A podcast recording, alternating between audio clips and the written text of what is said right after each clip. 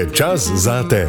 Začenja se četrtkov večer z Majo Tratnik in Andrejem Pešcem na Radiu 2. Hvala, ker ste tudi v tem večeru, četrtkovem večeru v družbi Radia 2. V vaši družbi pa uh, Maja Tratnik in pa moj nocojšnji gost, oziroma že kar standardni četrtkov večerni gost na Radiu 2, Andrej Pešec. Lep dober večer. Lepo zdrav. Andrej, um, čeprav smo te poslušali vsak četrtek, lepo si bil v naši družbi, ker sva najnje oddajca posnela. Uh, te je pa pot uh, peljala nekam, kar, kamor bi jaz tu šla. Zato me seveda zanima, kako si se imel in uh, sem vesela, da lahko to uh, tvojo pot oziroma popotovanje uh, predstavlja tudi našim poslušalcem. Šel si namreč v Indijo. Res je. Po, za kolik, najprej mi eh, povej, za koliko časa, koliko časa ti ni bilo? Šel sem za 18 dni. Okay. Uh, sama pot je bila pa precej uh, poučna, zato ker sem recimo predlagal moja, še danes ni prišla za menoj nazaj. A nihaš. jo še, jo še čakam. Videla sem pa, Indija je neke vrste, v določenih spisih se uvršča pod neke vrste našo mamo ker je eh, prostor ali pa lokacija, iz katere imamo resnično staro, eh, klasično, praktično literaturo. In bil sem presenečen, da takoj, ko sem prišel v Indijo, sem se začel resnično učiti različne stvari. Prva lekcija je bila to za sprtlago. Rad imam stvari precej pod kontrolo. Pa bi rekel nekdo, da eden, ki, mogoče, ki me namara, bi rekel, lega, ta je pa kontrolor. Uh mhm. -huh. In videl sem, da v končni fazi taksi je za mojo prtlage, še danes snimam. Uh, s ključi sem imel izzive tam različne, za ljudmi telefoni niso delali. In sem dojel, da ja, treba je biti vsekakor aktiven v tem, vsem, kar počneš, ampak da do, v eni točki pa resnično ne moreš hudo vplivati na razno razne stvari. In je zelo dobro, kakšno tako turo narediti, da malo vidiš, kje si. No, ampak čakaj, zdaj prtlago so izgubili že na poti v Indijo, kar pomeni, da si bil brez svojih stvari. Ja, imel sem samo tisto, kar so novo ročni prtlagi, se pravi par kilc, ostalo sem pa tam nabavil nove, novo, nove oblečila, nove majice. Tako da sem lahko neke vrste sketsko življenje v veliki meri resnično doživel. In kako je bilo to zate? Na začetku je bil mal, en tak mali kulturni šok, ampak je zelo hitro minil po enem večeru, zato ker sem videl, da nisem prišel v pravi zavesti v Indijo, uh mhm. -huh. nisem prišel v modusu učenca tja, ali pa nekoga, ki bi poskušal nekaj se naučiti ali pa nekaj prispevati, ampak sem prišel v modus, oh, Andrej pa v Sloveniji predava, stvari pozna.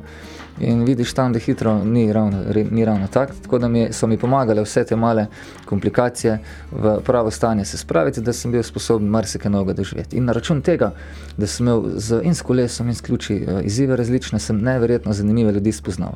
Veliko boljše oziroma najverjetneje veliko bolj primerne za mene, kot pa tiste, če bi bilo vse točno tako, kot sem si jaz v samem štartu začrtal. No, ker ponavadi smo ljudje tako narejeni, meni se dogaja krivica, zakaj moram ravno jaz izgubiti svoj kufr, mm. od vseh ravn moj. Ne? In takrat iščemo krivca vseh drugih, ampak morda pa je to tako kot si zelo dobro rekel, šola za nekaj. Ali bi bilo mečkam drugače, če bi ljudje tako razmišljali, da je vsaka negativna, če je to negativna stvar, neka šola za človeka, mm. da mečkam z drugega zornega kota pogledaš. Negativne stvari same po sebi ni, ker tudi vidimo, da vsi največji, ki so dali marsikaj skozi v življenju, so se iz navidezno negativnih stvari daleč največ naučili. Zato je daleč najbolj varen položaj na svetu, položaj učenca, kjer poskušaš razumeti in pa sprejeti, da je življenje, kakorkoli mu rečeš, tvoj večni dobronamernik, ki ti z različnimi vsebinami, preizkusi, klofutami, včasih in podarili, pošilja tisto, kar ti v vsaki situaciji rabiš, ne zgolj tisto, kar si želiš. Še posebej je razlika, recimo, sam uh, poskušam razumeti ali pa dojeti življenje, kakršno je. In za razliko od ljudi, recimo, ki se praviloma zgolj puščajo premetavati toku časa, da je kam pade, pade, delamo stvari bolj kot ne brez glave včasih ti, ko poskušaš resnično malo globlje uh, zaiti v bistvo življenja, dobiš ne tisto, kar si želiš, samo ali pa kar si zaslužiš, ampak tisto, kar dejansko rabiš. Ko bi vsi tako gledali na to? Ja, za mene jaz vidim to kot priložnost, da tistim, ki želijo tako gledati, da lahko delam to, kar ne reč delam. In ena od stvari, ki sem jo v Indiji pogrešal, je bila ravno to, da je 18 dni nisem uh, delil stvari na aktiven način z ostalimi, razen preko Facebooka, par objav, par intervjujev, kratkih, uh mhm. -huh. ker tam praktično vsi vejo, zakaj se gre v življenju. Aha, tega ni treba učiti na tak ne, način. Tam, ti, tam sem se počutil kot največji klukec. Že takoj, ko sem prišel na začetku v Indijo, ljudje, ki so mi sicer uh, perilo, recimo, likali in pa pravi neverjetno plemeniti, ponižni, iskreni in sem se sam počutil kar narodni mi je postal, ker sem videl, na kakšnih resnično zrelostnih nivojih so, pa na vides eni čist poprečni ali pa za, naš, za naše oči podpoprečni ljudje, kar je spet en čist tak grob, grd, materialističen a, svetovni nazor. Um, Andrej, najprej sem pomislila, glede na to, da imamo danes pogovor, ker sem želela, da ljudje izvejo, kaj si počel v Indiji. Um, me je spomnilo na Džeja Šetija, ki prihaja v Slovenijo, ena velika senzacija, svetovna senzacija, 19. maja na gospodarskem razstavišču in tudi on v bistvu. Njemu se je sicer življenje začelo spreminjati takrat, ko je šel kot menih v Indijo, ampak nekako sem povezala te dve, dve zgodbi. Uh, mm. Ti tudi mogoče gledaš na tak način, oziroma lahko primerjamo zgodbi, oziroma uh, glaven namen, zakaj v bistvu sta šla tja. Ja, uh, Indija je znana po tem, da ima izredno uh, kvalitetne načela, vrednote, znanje, modrost, da pa eksterno, mogoče na vides, deluje uh, na zadnjaško, oziroma da zaostaja za zahodnim svetom. Lahko se primerjajo te dve stvari. Sam sem velik navijač tega, da se poveže recimo klasično znanje iz Indije, ali pa načela, ali pa čistost in pa napredek, ki ga zahodni svet ima. In uh, Jay Shetty recimo sam na genialen način kombinira vse te stvari. Uh, In je za mene osebno eden, ena največjih osebnosti, ki bo v ogromni meri krojila svet v nadaljnih desetletjih. Izreden genij eh, prezentacije eh, znanja ljudem, točno ve, kaj ljudje rabijo. Tudi to sem se v Indiji naučil, da bi treba ljudem dati tisto, ne tisto, kar bi jim ti rad dal, ampak tisto, kar ljudje sami ta moment iščejo in kar jim bo tudi na dolgi rok pomagalo vkus razviti za, za neko bistvo ali pa za užitek ali pa za srečo v določeni meri je biti deležen. Ampak vsak, ko reče Indija, ne bi šel v Indijo, najprej reče: Joj, tam je pa umazan, tam bom pa jaz kaj pobral, kakšno bolezen. Zakaj bi v bistvu sploh šel tja? To, se mi zdi, da je to najprej prva asociacija. Zakaj bi človek šel v, v Indijo? Torej, učenje. Česa se lahko ljudje vse tam naučimo? Res je, da koša za smeti praktično nisem videl v Indiji, s tem, da bil sem. Kaj pa spolno redu? Ja, po žepih nosil. Nekaj časa sem po žepih nosil, plus smeti, ker sem videl potleh, sem se jih zagrabil določeno, pa jih poskušal dati na svoje mesto. Uh, s tem, da večino časa sem preživel na enem svetem mestu, kjer, za katerega bi težko rekel, da je Indija sama po sebi, se pravi, kjer je res načinjeno, mogoče malo nečistoče, eksterne. Uh, in je bolj, Evrop, se pravi, zelo čisto, zelo urejeno, zelo sodobno. Uh, je pa treba z drugimi očmi videti uh, vzhod, ko greš na potovanje, Reče se pa isto, da je večina Indije je dejansko zelo zahodnjaška, že ker vidiš McDonald's vse posod, ker vidiš resnično umazanijo. Na krajih, kjer sem se zadrževal, recimo krave, resnično srečne, sijoče, daleč od tega, napravim, če primerjaš krave tukaj ali pa krave tam, čista razlika. Živijo kar v, recimo pred hišami, smatrajo jih za družinske člane.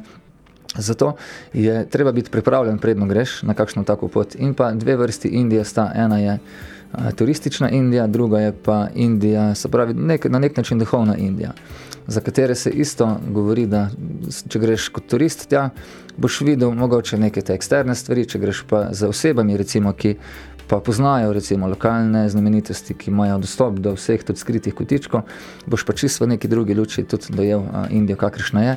In pa še eno stvar bi rad omenil, da je sploh, ko na določena posebna sveta mesta stopiš, se tam stvari dogajajo na en tak zelo uh, skrivnosten, mističen način. Če samo pomisliš recimo, na kakšne slabe stvari, dobiš takoj, recimo, tako po nesreči, on sploh ne ve za to, te mogoče malo rukne. Uh mhm. -huh. Parkrat sem med cvek stopil, kar se mi v Sloveniji ni zgodilo že 10-15 let, pa kakšne so verjetnosti, tam nisem niti delo hodil veliko. Uh mhm. -huh. Samo ko sem začel malo čudne stvari razmišljati, puf, sem imel takoj centimeter cveka v nogi. Tako da je treba biti pripravljen za kaj takega. In poznam veliko ljudi, ki so se že na letališču, samo ko so videli letališče, Kalkuta ali pa Mumbai, samo karto za nazaj. Slodko. Prehud šok. Mi smo zelo vezani na, na eksterne stvari. Vsekakor je lepo biti vezan na čistočo, na red, ampak spet glede enih stvari treba biti malo fleksibilen. In, pa, in, in ko si varimo, treba bi se obnašati, kot se rimljani obnašajo. Torej, če te jaz zdaj prav razumem, ti si šel seveda na to duhovno pot uh, raziskovanja Indije. Kaj si torej obiskal, kje si bil? Je bil to tudi kakšen samostan tempelj, oziroma kje si se zadržal in kako je izgledal recimo tvoj dan v Indiji? Bil sem v Navadvipu, to je v enem mestu, ki se mu reče Majapur. Uh, tam gradijo en izredno velik uh, hram, en izredno velik tempelj, Dan je pa na tak način izgledal, da sem se zelo zgodaj vstal. Uh -huh. Že ob pol petih zjutraj se zbere, do tega že se stuširaš, osvežiš, lepo pripraviš. Ob petih se, se je zbralo nekje 2 do 3 tisoč ljudi, ki smo skupaj se na dan pripravili preko glasbe, različne skupne, izredno, izredno poživljajoče. Zamislite si, da zjutraj. In ljudje, ki imajo res, res iz srca, recimo, pojejo, ljudje, ki so najverjetno preprosti. Potem je bila kratka lekcija uh, filozofije, se pravi, z, duhovnost za mene pomeni življenje, praktično, se pravi, odnosi do sebe, da veš, kako sabo delati, kako z drugimi delati. Ni to nekaj nepraktičnega. Uh -huh. Potem je sledil zajtrk, obilen, se pravi, nekaj res kvalitetnega, ta hrana izredno začinjena, tako da je treba biti tudi na to pripravljen. Dopoldan sem šel z, s prijatelji na eno kratko romanje, na Parikramo, to je nekje kratko, 14-15 km hoje.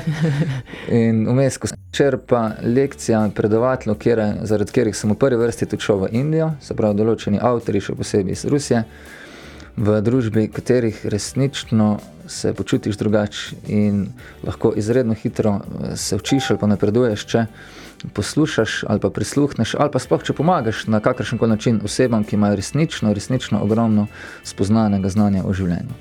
In kako si recimo sploh našel, kam boš šel, ponavadi najdemo so kakšni festivali in tako je vse oglaševano, se samo parjavaš in greš. Kako je pa to tukaj? Moš fejs raziskati, kam greš, ali so to že neke ponudbe, na kakšen način te recimo srce odpelje, kam, kam bi račal? Uh, Prijatelj imam precej, ki redno zahajajo v Indijo, marsikaj celo čez leto recimo živi v Sloveniji, pozim, ko je tukaj malo hladno, se umakne tja, ker uh -huh. je mhm. tam takrat ravno, ravno, ravno prav.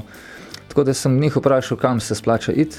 In niti nisem hodil veliko luto okrog, ampak sem šel bolj kot ne resnično iskati družbo neverjetnih oseb. Nisem šel tukaj raziskovati recimo raznih uh, krajev, ampak predvsem reče se, da če greš na zanimiva sveta mesta, samo zato, da bi tam se posliko par stvari si zapravil čas. Uh mhm. -huh. Ampak je treba iti tja, da uh, greš do velikih ljudi in opazuješ, pa se poskušaš učiti od njih. O tem, kaj vse si se naučil, oziroma kaj je tisto, česa še nisi vedel, kaj je dobrobit. To bova še govorila v nadaljevanju. Najprej pa to, kar si mi zdaj med pauzo tudi omenil. Pri nas smo navajeni, da če ti kave ne postrežejo v desetih sekundah, si že živčen. Kje je, zakaj ni, jaz bi zdaj to hit, meni se mudi, kam zdaj, jaz sem tempiran. V bistvu smo res tempirane bombe od jutra do večera in to nam povzroča, se mi zdi, da največji stres. V Indiji verjeten ni tako, se si moraš kar velik časa vzeti za to, da um, si kaj prvoščaš, oziroma življenje, gre malo počasneje. Ne? Neverjetno počasneje ure tam tudi praktično nisem videl. Uh mhm. -huh. Ljudje so izredno karizmatični, ne mudi se nikamor, se pravi, vse delajo tako za neko zmerno, zmerno brzino, ne prehiter, ne prepočas. Vejo sami, da ne bojo nič zamudili, tudi če bojo mogoče malenkost bolj preudarno, smiselno ali pa sproščeno kakšne stvari pristopili. Zato, ker se zavedajo ene stvari, da ni nikoli vse samo od nas odvisno. Mi pa velikrat delamo, kot da je vse, moram to, moram to, moram uno. Če ene stvari se morajo poklopiti v življenju, recimo. Vidiš ti tudi, recimo, če hočeš službo dobiti na vsak način, tisoč prošen pošleš, ampak če ti res, res, res nekaj ni takrat namenjeno, se lahko na glavo postaviš, pa se čudiš, kaj je to.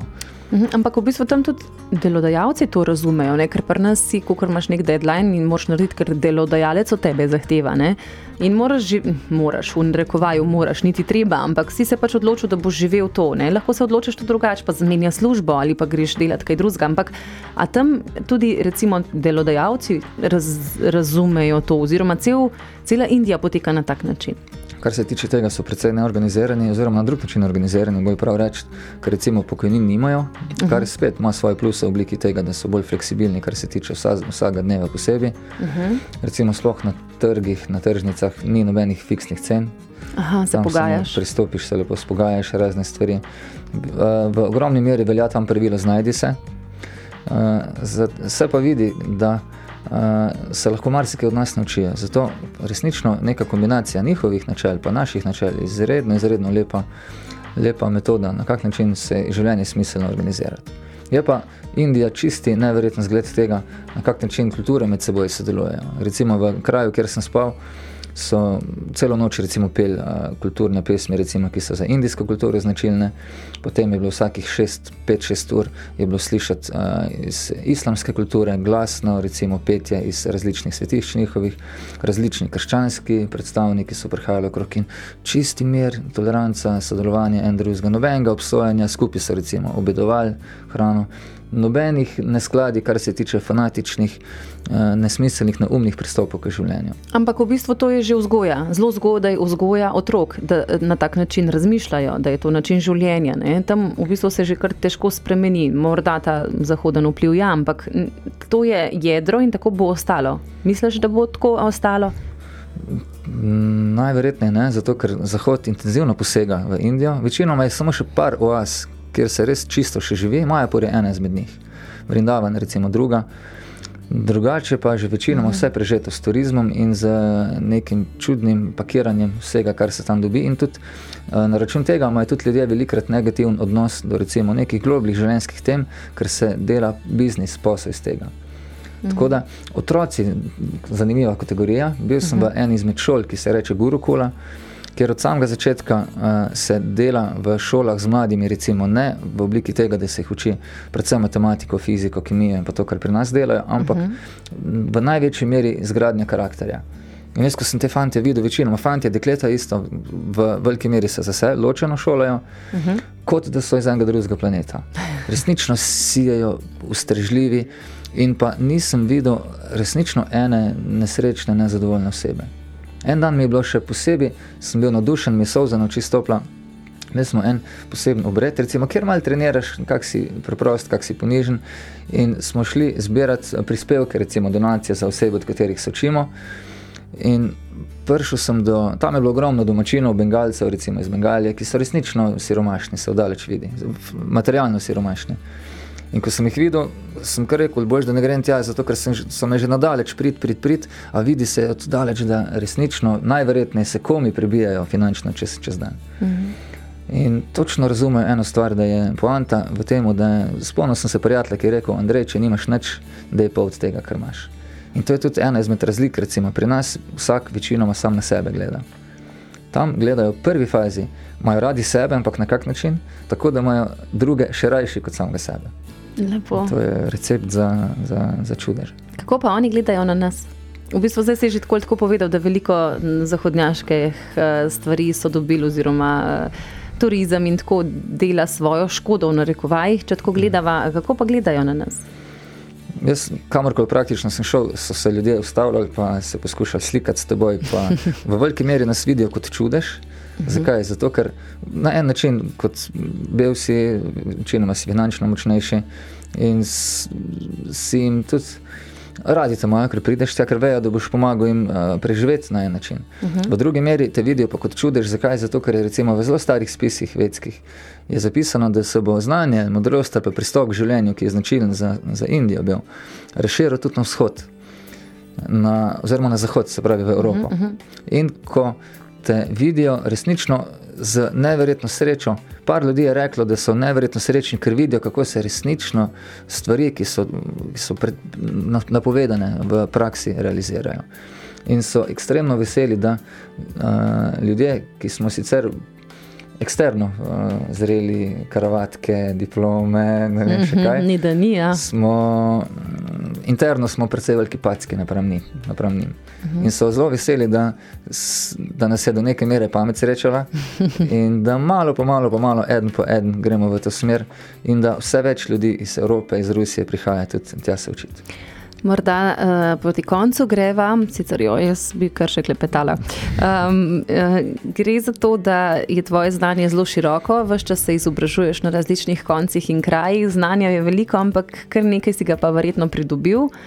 V zadnjih 18 dneh, torej v Indiji, kaj je še tisto, recimo, kar te je mogoče presenetilo? Um, na začetku najmenjega pogovora si povedal, da je ta tvoja zelo organiziranost, da ti je zli, hitro s tem kavčkom pokazal, da ja. pa se moraš tudi znati, da včasih ni vse tako planirano.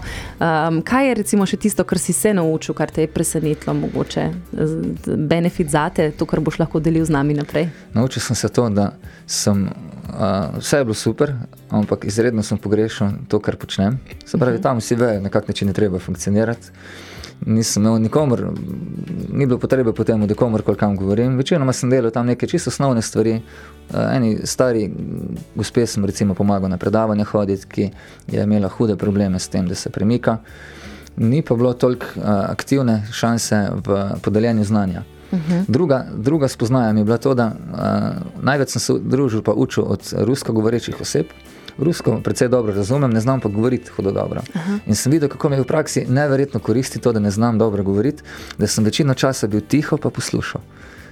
Ker na tak način se lahko veliko več naučiš. Če pa sam govoriš, govoriš, govoriš, praktično, praktično nič mnogo ne zveš v tem času. Uh mhm. -huh. In ja, zato mi je bila izredno dobra spoznaja to, da sem videl, da resnično imam nek eh, redek blagoslov, da sem odkril, ali pa da mi je bilo dano delati to, kar resnično rad delam in to, kar mi je blizu po naravi, v čemer resnično uživam.